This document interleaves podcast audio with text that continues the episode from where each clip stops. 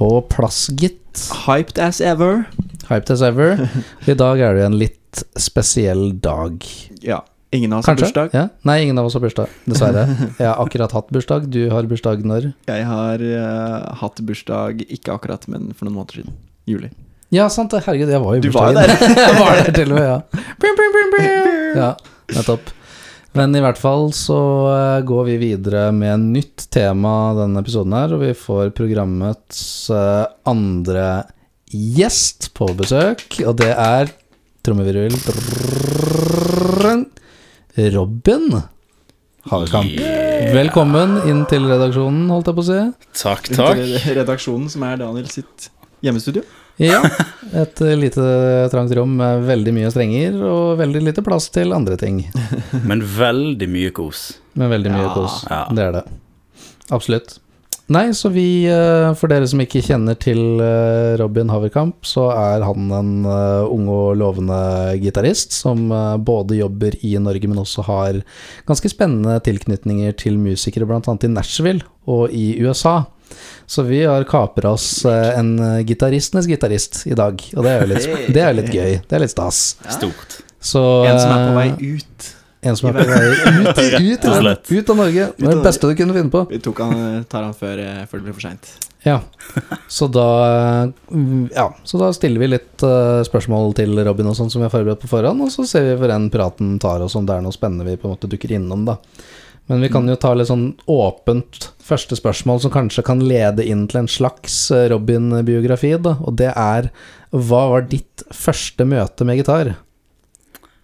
Mitt første Siden det er en møte- gitarpodkast. Det kan være synonymt med ditt første møte med musikk som fikk, eh, eller som ga deg lyst til å spille gitar. Som var Liksom. Ja. Hvor starta det for deg?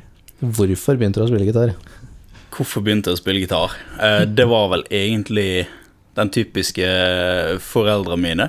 Mm. De sa at uh, du må gjøre noe her i livet. Ja. Så jeg spilte, jeg spilte fotball. Uh, og så oppdaga jeg da uh, en gitar på vaskerommet til min far. Ja. At, Eh, For, for der hadde han liksom satt eh, gitaren som da var etter min eh, farmor. ja. Så den, eh, den fikk jeg veldig Den ble jeg veldig nysgjerrig på, da. Og kunne ikke spille, men eh, hver gang jeg var liksom der, da, så, så hadde jeg lyst til å ta frem den. Hver gang vi var på vaskerommet? Hver gang jeg var på vaskerommet. Som var veldig ofte. Ja, det, var, det, det ble det, ganske det, ofte, ble kanskje, det ble kanskje veldig Det ble veldig ofte. Trekt mot det rommet, sånn magnetisk kraft. Ja. Hva slags eh, gitar var dette her? Var det en uh, akustisk gitar, kanskje, eller? Det var en eh, skikkelig gammel nylonstrengs Nylonstrenger, eh, ja. sleten sak. Men var det spillbar? Den var spillbar, Ja. og det det det var faktisk da der det hele begynte. Nice. Noe som skulle bli en lang og svindyr reise de Ja, påfølgende år. vi. Vi har jo snakka om eh, pris og budsjetter og forskjellige modeller og diverse ting og sånt, og kom fram til at gitar er jo en dyr hobby. Ja. Eller livsstil, eller et yrke. Hva Mm. enn liksom Alle. Det er, det Hva enn man på en måte bruker det til, da. Mm. Eh, men sånn etter det, på en måte, hvordan gikk veien videre? Holdt jeg på å si, hva var, hva var det som skjedde mellom der og at Og du valgte å liksom satse profesjonelt på det? Hva var det som skjedde de årene imellom, og hva var det som fikk deg til å tippe at dette her er det jeg vil drive med, liksom? I, til fordel for andre ting, hvis du har andre ting du også har drevet med eller interesserte for, da. Mm. Eh, nei, altså, jeg begynte jo eh, Etter hvert som mine foreldre skjønte at eh, kanskje gitaren var litt mer spennende enn fotballen, da, så heiv de meg jo inn på Fjell kulturskole. Ja. Ja. eh, der jeg spilte Fader Jakob og Tom Dooley i ett år. Tom Dooley. Eh, for der måtte du gå et år på altså klassisk gitar, da. Mm. Før du kunne eh, søke deg inn på elgitar, som om det var prestisje ja. eh, på Sotra. eh, men jeg fikk begynne på elgitar året etterpå, ja. eh, og husker det at jeg jeg begynte på en Clapton-låt som heter 'Wonderful Tonight'. Ja. ja. Skulle lære meg å bende. Har aldri vært så redd for noe i hele mitt liv. Ah. For det å liksom skulle begynne å bøye den strengen, det var, det var veldig skummelt. Ja, ja, ja. Veldig mystisk ting å gjøre. Jeg vet akkurat hva du mener. Altså. Ja, ja, ja. Det var også en sånn type låt som fattern pleide å spille hjemme. Så pappa ville at jeg skulle spille den og Parisian Walkways av Ja. Gary Moore. ja, ja. Som er sånn bare Det er bare bending, og det er liksom sånn For en grufull skjebne å være i samme hus som noen som akkurat skal lære seg å spille. Og jobbe på det. det blir jo så surt og så forferdelig, og du glipper strengen og Men det er gøy. jo Men du likte, du likte Clapton, ja? Fikk uh, mersmak der, altså. Mm. Var det du Eh. som valgte ut det sjøl, eller var det noe du fikk plukka ut på en måte av en lærer, eller Ja, det var det han gitarlæreren anbefalte, da. For det er en veldig enkel låt. Mm. Eh, Mye Klepten er Det er jo veldig basic. Det det. For Klepten er jo ikke en sånn helt insane gitarist ut av en annen verden. Nei, Så det er, det er ganske lett å på en måte eh, Å plukke ting, da. Ja. Det som på en måte er hans greie, er jo bare det at han har sin måte å spille disse Ja. tinga på. Det er akkurat det. Mm. Og det får ikke vi andre til. Det ligger Nei. mye følelse i hver tone. Det er akkurat det. sånn, Ja. Det er, eh, ja, det er helt spesielt. Det er en grunn til at de kaller ham for slow hand. Ja. Mm. For at han, han spiller mer Han spiller ikke, han shredder ikke. Nei. Han spiller sakte og bare putter all sjela si i hver eneste tone. Det er det han gjør. Det er veldig kult. Han hadde litt å lire fra seg i starten av Cream, liksom, men uh, Ja. Mm. Jeg har også sett sånn en gjenganger som folk legger ut videoer sånn på YouTube, at Clapton pika for tidlig. Ja. Det liksom sånn type at han liksom Han traff liksom en sånn høyde litt tidlig, og så bare roa han seg, på en måte, Ja, ja. etter det. Men litt sånn som de sier, det, han, han spiller veldig kult. Han er i hvert fall veldig flink låtskriver. Ja, Mm. definitivt. Det er alltid likt Clapton eh, sånn sett. Det er veldig sånn enkelt å komme inn i det, fordi Han er mer enn bare en gitarist, ja, Ja. egentlig. det er lett å skjønne hva som skjer, liksom. Mm. Hvor gikk veien din videre derfra, da? Fra, liksom, fra bending? Fra, fra bending. Nei, hva skal jeg si? Man uh, det, Du begynte kanskje på videregående, eller eh, Jeg begynte jo uh, jeg, jeg begynte faktisk uh, som man gjør på bygda. Ja. Eh, jeg begynte i TenSing. Ja, ja, ja. Skal ikke si noe vondt om det. Jeg var også i TenSing. Blei med i, eh, i bandet der. Ja. Eh, og uten å For man skal ikke kødde for mye med det, på en måte. For Nei, det tror jeg faktisk er der jeg har fått mest av den musikalske forståelsen og dette med samspill og hvordan fungere med andre. da. Mm. ja. Eh, Det tror jeg faktisk jeg fikk der. Så jeg ble jo hengende igjen der i en, kanskje en tre-fire år, da. Ja. Før vi innså det at vi begynte å bli litt gamle. Når vi liksom begynte å bli 19 år gammel. Da, Ja, ja, ja. var liksom, da var vi gamlisene, da. Ikke Men du spilte i bandet til koret? Ja, Ja, Mm. ikke sant? Det Stemmer det. Sjæl, altså. Ja. Alle dere. det, jeg føler mange har liksom Mm. vært innom den Ja. gata der. Ja. Jeg, jeg kjenner veldig på, og det har jeg tenkt mange ganger på også, det du sier med at, eh, at det er der musikaliteten starter å komme inn. Mm. Og, og du bygger deg opp som en musiker og ikke en instrumentalist. Du Ja. kommer kommer samspill, og du og, altså, Som gitarister i et sånn type band, så er vi jo litt sånn overflødige. Jeg, jeg har i hvert fall følt meg veldig unødvendig i mange situasjoner. Mm. Så må man finne en plass som er Som, ja, så man bare Hva kan man gjøre? Her kan jeg plukke litt, her kan jeg kanskje spille en liten linje, eller um, Så ja. Så jeg kjenner veldig igjen det du sier med at der ja, bygger man seg mer ut som Der lærer man å musisere. Mm. Mm. Uten tvil. Og tro, tro sånn ut ifra min erfaring, da, at det- er ganske viktig å bare begynne med samspill så tidlig som mulig. Ja, ja, ja. Mm. Det er det. Vi begynte jo der når vi var eh, Altså når vi var konfirmanter, da. Så 14-15 år. Mm. Og det jeg merker bare på det ene året, da, Ja. eh, som jeg var konfirmant. Da var det skikkelig eh, Skikkelig progresjon, da. Sånn for Mm. min del. Og så, så ga det mersmak, og jeg fortsatte bare noen år til. For vi ble jo veldig gode kompiser, vi som spilte sammen òg. Ja, ja, Ja, det blir, det er jo veldig Det blir veldig solid samhold i sånn type greier når man er på Mm. konserter og på øvinger og sånne helger og turer og alt mulig Mm. rart, liksom. Så Mm. TenSing er ganske sånn solid opplegg for å utvikle det ene og det andre. Det er det. Så- Fortsatte dere å spille sammen, eller etter Ja, vi blei vel eh, Når vi eh, Ja, når vi måtte slutte, da. eh, Eller måtte, når vi innså at vi var, var litt gamle. Var på tide. Så starta vi et eget band. Ja. Ehm, veldig sånn ironisk band. Eh, men av en eller annen grunn så fikk vi jo spillejobber. Ja. Eh, og vi blei på en måte bare Vi blei liksom sånn kasta rundt på, på øya, da, på Sotra. Eh, og fikk litt ymse spillejobber her og der. Eh, og så fikk vi faktisk en ganske fet eh, gig eh, på Periferifestivalen. Det var en ganske stor festival ute på Sotra, da. ja. Eh, for der mangla de en act. eh, og da var det jo helt naturlig å søke til eh, det, feteste guttebandet på Sotra. ja. Så vi fikk faktisk spille der. eh, spilte en fem-seks låter. Fikk full, altså full side i lokalavisa, og Oi, Vi- oi, oi, oi. var skikkelig rockestjerne, da. Nå følte jeg at nå, nå har i hvert fall bandkarrieren min peaket, da. Ja. ja, ja. Men når vi, le, vi leste jo eh, det som sto i den artikkelen, og der sto det For en musikkanmelder da, som hadde skrevet, og han skrev det at eh, de minner tidvis om en blanding av The Beatles og Sondre Lerche. Oi. Og da tenkte vi Mm. Det er jo det siste vi prøvde på.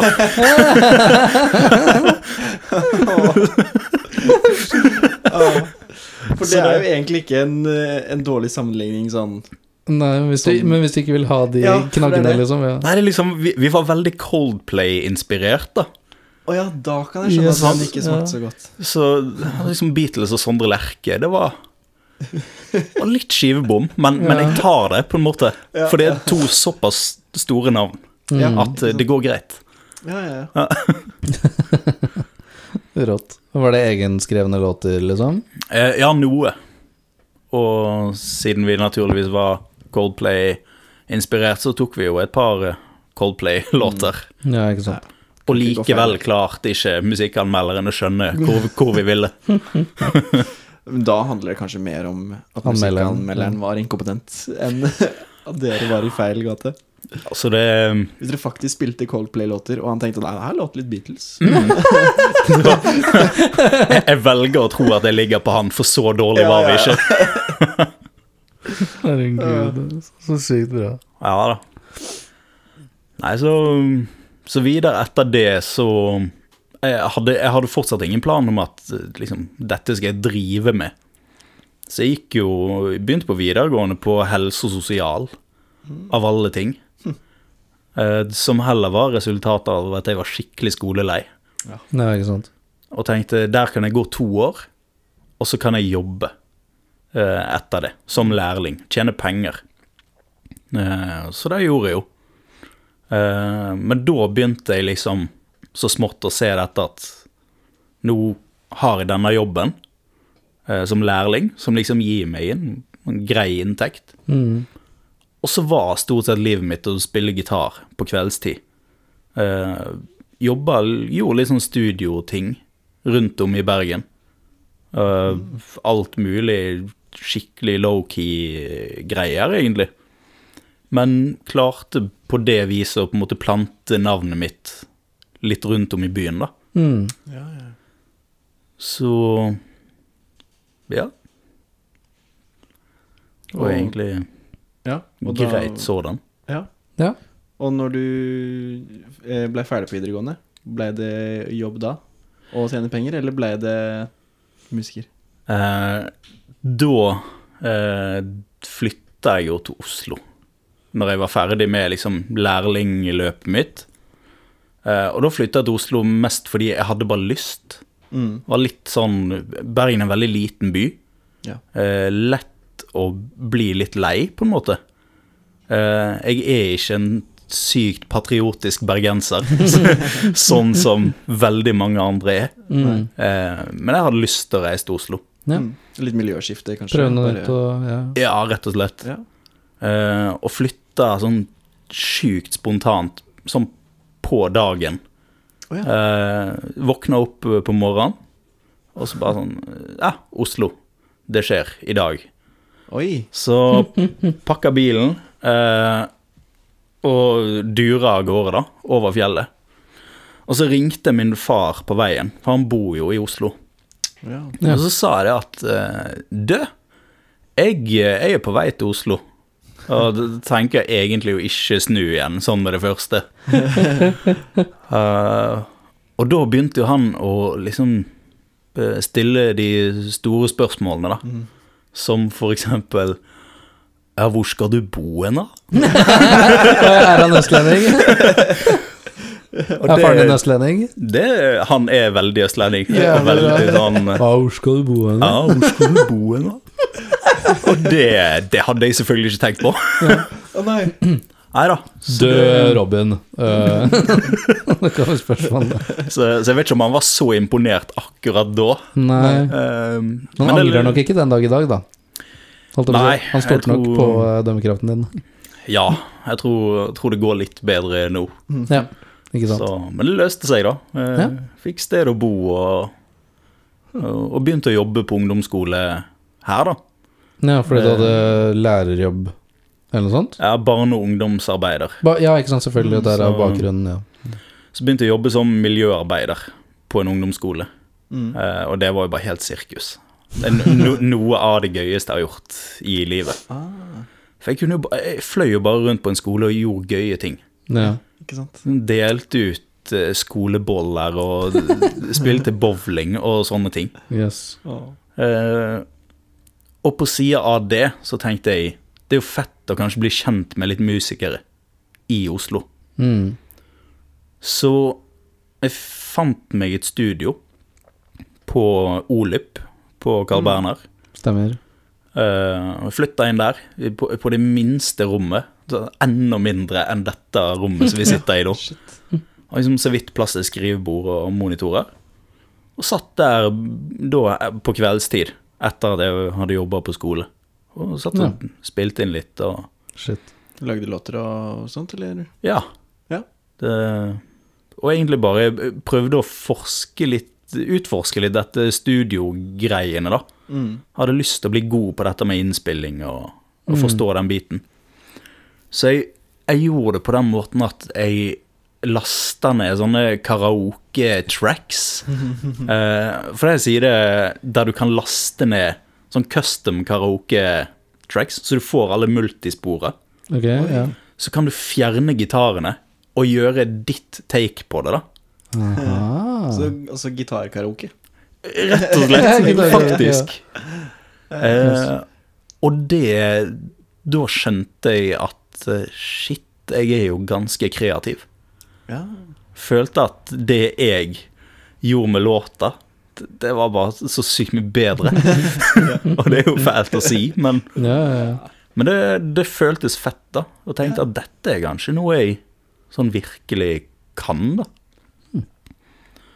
Så da tenkte jeg nå må jeg ut, nå må jeg ut og skaffe jobbene, da.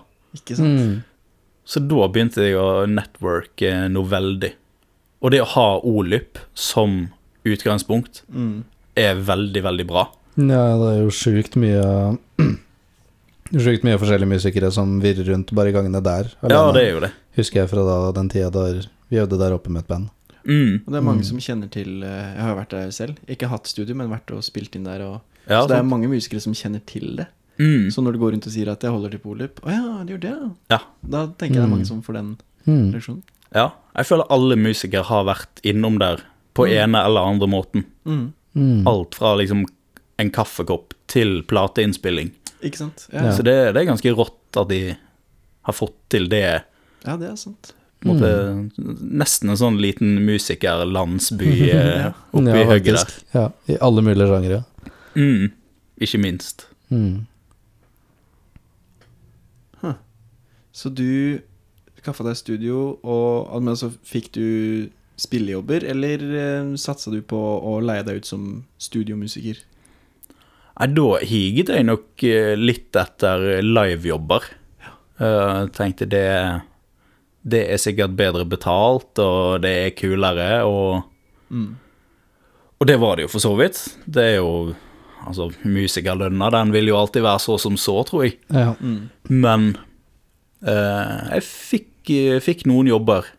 Uh, ja, både høyt og lavt, på en måte. Eh, men klarte liksom å tjene inn noen gode kroner i tillegg til uh, den faste jobben jeg hadde. Mm. Og med på en måte litt flaks og tilfeldigheter, så blei det mer og mer. Uh, og så klarte jeg òg å selge meg mer inn på studiofronten. Mm. Eh, så jeg trappa jo ned på den vanlige jobben. Gikk fra 100 til 60% og satsa mer på studio. Mm. Så jobba jeg ganske eh, Ganske jevnt og med god rytme fram til da desember 2019. Ja. Eh, da sa jeg opp min faste jobb og tenkte nå skal jeg satse på musikk for fullt. Og det funka dritbra i to og en halv måned. Så, Frem til mars vet, 2020. så vet vi hva det Da vet vi hva som skjedde. Ja. Så det var jo Men bra at det i hvert fall funka bra. Mm. For da, da visste du jo i hvert fall at det var en mulighet når, når, du, når man kom ut av Til slutt kom ut av den koronaen. Ja. Uten tvil. Så, så det var jo Ja, det var uflaks eh, sådan, men Ja. lite visste jo jeg da Ja, ja. Det hva vi alle hadde i vente. Ikke sant. Men hvordan eh, har det gått nå, da? I tida etter? Tida etter, og for så vidt under, Ja. gikk veldig bra. Ja. Eh, for fordelen med nedstenging og Mm. eh, null konserter Mer tid i studio. er mer tid i studio. Ja. Og da følte jeg bare sånn Yes, dette er jo det jeg har trent meg opp til å gjøre. Mm. ja. Så kanskje min tid faktisk er nå. Ja. ja. Det er en fin måte å se det på. Ja. Eh, tenker jeg, jeg må jo bare se det positive i dette. Ja, ja, ja. Mm. Og det klarte jeg, og det blei virkelig eh, pandemi for mange. Skikkelig nedtur. Mm. For min del. Eh, musikalsk. Sjukt nice. ja. jeg tror det er mange musikere som følte litt på det at eh, nå får vi egentlig mye tid til å øve. Mm. Så, Og vi er jo ganske introverte vesener, litt sånn av natur, de fleste av oss, tror jeg. Mm. Så det å bare kunne sitte aleine inn og jobbe og spille og øve og Tror det var eh, Var ikke så ille for så veldig mange. Bortsett fra at man mister spillejobber og litt sånt, da. Ja. Men eh, ja. Og det er jo Altså, det å være Vi var jo heldige. Eh, Mm. Fordi vi bor i et ganske smooth land. Eh, for når du er selvstendig næringsdrivende i Norge, eh, du har jo ikke krav på en dritt. Nei. Absolutt ikke. Men eh, altså, vi har Altså, politikk og sånn, skal ikke si at jeg er sykt engasjert i det, men i forhold til akkurat det der, så syns jeg vi fikk dritbra løsninger. Mm. Og ja, sånn sett veldig takknemlig for å være i Norge. Ja. Det, For uten hadde, jeg bodd i egentlig hvilket som helst annet land, mm. så tror jeg det hadde sett skikkelig drit ut. ja. Det, ja, det er noe å tenke på, det, altså. Mm. Så vi har vært heldige, og jeg så jo da mitt stikk til å liksom Nå, nå skal jeg skinne. Nå skal jeg vise hvem jeg er, og hva jeg kan. Mm. Uh, og f fikk liksom et par studioprosjekter i Norge som var Det var greit, liksom. Men det var ikke på det nivået jeg følte at jeg på en måte kunne prestere, da. Mm. Så var det da jeg begynte å søke litt til det amerikanske markedet. Uh, og det gjorde jeg på en så enkel måte som gjennom Instagram. Ja. Mm, ikke sant? Det er altså Dette begrepet å slide inn en DM, det er rett og slett uh, bare en helt rå ting å gjøre. Mm. Fordi altså musikkverden Jeg føler alle er åpne for å kommunisere med hverandre. Mm. Og kanskje spesielt i USA, for det er noe med det der norsk-amerikanske forholdet. Mm. Alle i USA har liksom Altså, de vet sykt godt at Norge fins, av en eller annen grunn. Og, og alle har liksom enten sånn en norsk onkel eller en norsk bestefar eller et eller Ja. annet sånt. Ja, ja. Det er kanskje litt derfor jeg med alt greiene rundt eh, Er det Missouri? Rundt der det er så Nei, sjukt Minnesota. Minnesota er det, ja. Mm. Der er det så sykt mye etterkommere av eh, norske settlers og Ja. Det var mange nordmenn, og, eller skandinaver i hvert fall, som bosatte seg der. mm. Eh, Jeg tror de, den nye filmen som kommer nå, 'Utvandrere', den Ja. handler om det. Ja, Ja. stemmer. Um, men jeg Ja. tror faktisk det er en by i Minnesota som heter Oslo. Ja. Det er Det var, også en, det var også en koloni, nå husker jeg ikke, jeg tror kanskje den ligger et sted i det området men du, du vet Ole Bull, fjellspilleren liksom, han grunnla jo Oleania. En ko det, er ikke tull, det er ikke tull engang. En koloni i, i USA. Han prøvde å få med seg folk bort dit for å liksom bygge. Oleania. Oleania. Aha, det, det er ramt. Ja, det er, det er faktisk Det er kult. Det var en veldig hard digresjon, men uh, skal vi bare se om vi finner info på det her. Ja, i Pennsylvania! I Uh, stedet? Oleana Oleana var det ikke Oleania, men Oleana var en norsk nybyggerkoloni i Pennsylvania i USA som ble etablert av Ole Bull i eh, 1852. Så kjøpte den opp eh, større landområder i Potter County i Pennsylvania. Wow. Det er jo helt rått. Det, Ja, Å var Reise bare til sånn, USA sånn og- til, tillegg til eh, Robins uh, interessante observasjon om eh, det norsk-amerikanske samarbeidet. ja. Ja. Men ja, men det er litt sånn du sier i ånden. Det virker litt sånn at sånn norgesvenn borte i USA, og litt sånn omvendt. At det er Mhm. litt sånn Man har vært opptatt uh, sikkert gjennom noen Nato-greier og litt ymse etter krigen og utvandringen og Mm. Mm. På sånn på 1800-tallet, alle de greiene som forener noen ting, i hvert fall. Det er kult at det åpner opp for at man kan samarbeide, da. Ja. Og plutselig så er Robin i vingen uh, i USA, liksom. Plutselig. Plutselig spiller du med de største gutta i Nashville. Ja, det hadde vært stas. Ja, det skjer det, hvis du vil. Men de virker som de er veldig interessert i skandinavere. Mm. Uh. Og Brad Paisley ga ut en samleplate som het Norwegian Favorites. Ja, sant. Mm. Og det er bare sånn, jeg husker jeg har tenkt på det, bare sånn But why? Ja. Mm. Av alle ting, men det er litt sånn Jo. Kanskje på country, americana-ting og sånn spesielt, så er Norge og Skandinavia ganske sånn storkonsumenter ja, det er sant. av sånn type amerikansk popmusikk. Mm. Klart nå er det veldig mange menn og kvinner og hender og sånt i gata som hører på mye ymse amerikansk popmusikk i en eller annen type form. Enten det er elektronisk eller gammelt eller nytt eller gudene veit hva, liksom. Men countrygreiene og sånt virker som vi har sånn veldig stort miljø for i Norge. Mm. Og det, kanskje det har litt sånn At det gir litt sånn gjenklang der borte, da. Ja, de setter sikkert. pris på mange av de som er på turné hit, og store amerikanske navn som er på Seljord Seljord countryfestival og, Mm. Det jo det. og sånn type ting. Så i den sjangeren så er det nok noe der. Mm. Ja, uten tvil. Men har du um, Har du vært i uh, Nashville ennå? Aldri vært der. Nei? Eller i USA Aldri vært uh, i USA i Nei. det hele tatt. fordi du tok kontakt med Hva, hva blei det til, holdt jeg på å si, videre? Det blei eh, Han første som jeg tok eh, kontakt med, var eh, en produsent som jeg hadde fulgt på Instagram veldig lenge.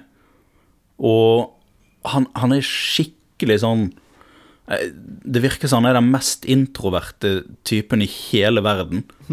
For han er sånn Han legger liksom ut eh, så lite av det han gjør. Eh, han produserer helt sinnssykt mye musikk. Eh, og, så, og så er det liksom Når han har gjort jobben sin, så er det greit. Da går han videre til neste. Mm. Han gjør aldri noe sånn Hey, look, I produced this. And look how beautiful it turned out, på en måte. Ja. Eh, så jeg sendte jo han melding, bare sånn eh, Jeg digger det du gjør, og hvis jeg kan bidra med noe som helst som er på en måte strengebasert, eh, kanskje du bare sender meg noe? For jeg har ikke en dritt å gjøre på om dagen. og så sa han liksom, Jeg tror han ble litt overvelda, da. ja. Eh, rett og slett fordi han, han publiserer musikken, og så er det bare sånn videre til neste. Ja. Eh, ikke så mye creds for hans del, på en måte. Ikke sant? Eh, så det at noen så så han, da, og Ja, sa det at 'jeg digger det du gjør', eh, Det tror jeg gikk litt inn på han. Og så sa han at eh, ja, jeg har noe, har noe demogreier eh, på ei plate som han snart skulle produsere. da. Så han sendte, sendte over et par låter, og det låt liksom helt sjukt bra, da. eh, og så vil, sa han da bare, gjør ditt take på dette her. Uh, og det var jo ikke egentlig ikke gitarbasert musikk i det hele tatt. Så var bare sånn småplukking og uh, veldig sånn føl... Mye følelser i musikken, da. Ja. Så det var liksom uh, Det var en tone her og en tone der, og dritmye klang. Ja. Så jeg gjorde på en måte min eh, versjon, da, av fire låter eh, på den plata. Og det blei overraskende nok liksom den store inngangen, da. For han blei helt frelst oh. av det han hørte. Hey. Yes. Eh, som jeg syns var helt insane. Det var liksom Totalt sett så sendte jeg eh, kanskje en ti gitarspor per låt, da, som jeg var skikkelig fornøyd med. Eh, og de brukte alle. Oi. Ingenting de sløyfa. For han bare sånn Dude, I want everything to be on this record. oh, wow. Jævlig bra. Så det var dritfett. Ehm, jeg tror mye av det kommer nok av at eh, de låtene var veldig sånn uh, kjærlighetssorglåter. veldig sånn eh, Å, savner å føle det og det. Mm. Eh, og dette var jo et år etter at det ble slutt mellom meg og kjæresten min. Ja. Og jeg var fortsatt i den bobla. ja, Og derfor tror jeg klar, jeg klarte å legge så mye i det, da. At- Rowan Clapton klarte å få all følelsen inn i hver eneste Ja. tone. Ja, det var meg og Clapton. Kanskje det selvbiografien min skal hete det. Meg, Ja. meg og Klepten. Ikke sant? Nei, så, så jeg sendte av gårde det, og fikk, eh, fikk sendt tilbake masterne på de låtene. Og tenkte bare sånn Shit, det her skal jeg gjøre resten av livet, liksom. Fordi det, det, er, det var oppriktig noe av det fineste jeg har hørt oh, wow. i hele mitt liv. Eh, og så kom plata. Eh, og dette er, er jo en sånn Hun var skikkelig underdog-artist, eh, hun som eh, skulle gi ut plate, da. De gitt ut to singler som gikk ganske bra.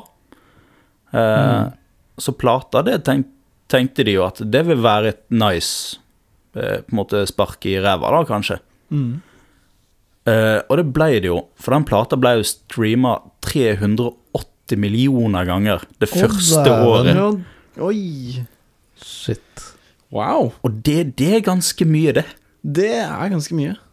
Og det er ganske sjukt for meg å tenke på da, at jeg satt på et lite kott på Olyp og spilte inn disse tinga. Og så bare klikker det rundt i hele verden. Mm. Så det ble på en måte min inngang, da. Så kult. Hvilken Eh. artist var det her, da? Eh, Ingrid Andress heter hun. Ok. Hun er amerikansk, men så er jo dette Hun heter Ingrid. Ja, litt Sant? sånn. Så det er jo det er jo noen norske greier ute og går der òg. Ikke sant? Da må vi sjekke ut det, alle sammen som hører på. Ja, det anbefales. Anbefales. Ladylike Deluxe-plata. Mhm. Den eh, den er dritfin. Gøy. Litt inhabil, men det er sjukt fint. er det er lov å anbefale det. Ja, Ja. absolutt. Og har du hatt noe kontakt med de etterpå? Har de som eh, spurt om du vil bli med og spille live, eller? Jeg skulle jo så inderlig ønske det. Ja, Det, det er jo ulempen med å sitte i Norge. ja ikke sant. Fordi eh, USA de har jo gitarister, de òg. som gjerne er Ah. hakket mer tilgjengelig. Sant det. Så mm, Men jeg tenkte jo Jeg har jo på en måte virkelig følt på dette at studiogreier, det har jeg mestra. Mm. Og spesielt etter det prosjektet der. Da skjønte jeg at dette gir meg mye, da. Mm. Uh, og tenkte jo selvfølgelig òg sånn Hadde vært fett å stukke og spilt uh, disse tinga live. Uh, så òg i denne pandemien, så Det blir jo mye YouTube. Mm. Veldig mye YouTube. Og satt jo i sånne masterclass-greier med session-musikere, da. Og så var det én der som uh, gikk liksom veldig i dybden på hvorfor han gjorde kun session-ting. Og det, det som han sa da, det var liksom Det kjente jeg at dette er det som driver meg til å kun drive med studio. Eh, Jeg trengte liksom bare noen til å sette ord på hvorfor skal du kun sitte på en kontorstol Mm. Ikke sant? og spille for en dataskjerm, når du kan spille for flere tusen folk. Ja, ikke sant? Eh, Men han sa det at det som er så givende med studio, er at du legger på en måte alt du har av liksom sjel og følelser i det. Du spiller det inn, og så blir det gitt ut. Og da er det tilgjengelig for hele verden til enhver tid. Resten av livet. Mens når du spiller live, så er det liksom Det er tre kvarter. Og så er det good, på en måte. Sant? Folk er der, de koser seg. Men de, det er veldig få som lever på én konsert sånn resten av livet. Ja, det er få. Mm. Sant? De, de har en fet opplevelse der og da, mens låter som du har spilt på, den går de gjerne og hører på. Kanskje resten av livet, da. Uh, Det, det er faktisk veldig sant. Så det, det var liksom noen ord som, eh, som satte seg litt, da. Det kan jeg skjønne var en, eh, var en oppvekker, Mm, egentlig. Fikk nesten en liten sånn eh, realization, jeg også. ja da. Jeg har aldri, aldri vinkla det på den måten før.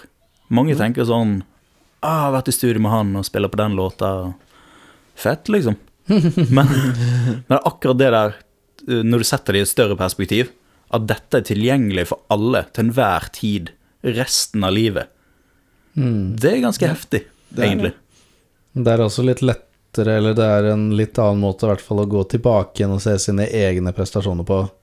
Det er lettere å besøke et snapshot av noe du har lagt inn som er foreviget på en innspilling, Mm, enn å bare mimre bakover past gigs, liksom, fordi hukommelsen funker sånn som den gjør. Mm. ja. Med mindre du har tatt liveopptak. Men det er også liksom ganske rart hvordan et liveopptak bare noen ganger kan være sånn Oi, var det sånn det høres ut? Mm, Når det egentlig liksom føltes kanskje en helt, på en helt annen måte der og da. Ja, ja. Men det er jo to helt forskjellige liksom, retninger innad bransjen da, som henger sammen på en, på en veldig spesiell måte som fyller hver sine behov og hver sine ting, liksom. Mm, Men det er veldig kult at folk kan på en måte velge litt og gjøre hva man vil, og i hvert fall her til land så føler jeg at man hører uh, jevnt og trutt mest om de som er der ute hele tiden og gjør ting Ja. ute, fordi jeg vet ikke jeg vet, Kanskje det norske publikummet er litt sånn Jo, det, jo, det er litt sånn det er litt sånn hver gang vi møtes, uh, preg over alt. Alt skal være sånn Du må se det hele tiden, du må ha det tett på. Ja. Det må være litt sånn grinefaktor over det hele tiden. Det må være sånn Ja, up in your face hele tiden.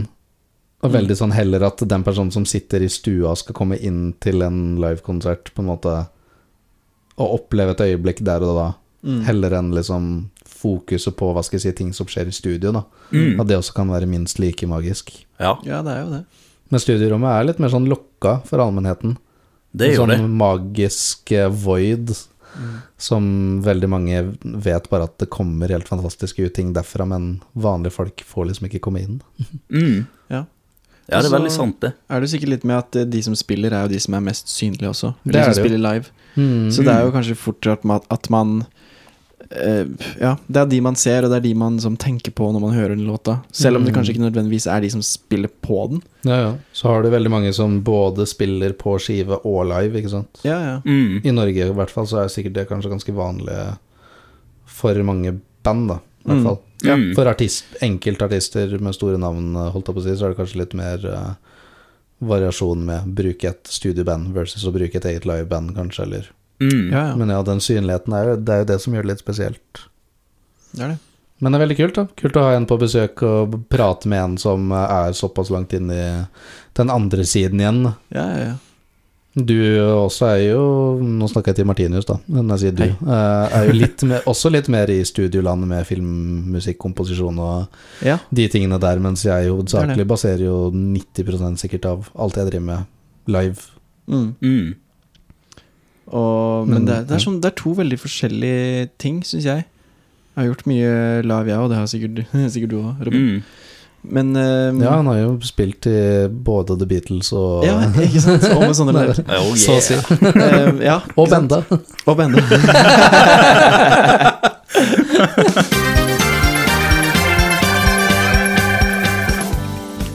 Hei, Martinius fra Gitarpodden her. Vi hadde det så hyggelig da vi prata med Robin at vi bare lot klokka gå, så vi ble nødt til å dele denne episoden her opp i to. Men hvis du har lyst til å høre mer om bl.a. hvordan Robin solgte og kjøpte igjen sin favorittgitar, så anbefaler vi at du hører del to. Ha det bra så lenge, og tusen takk for at du hører på Gitarpodden.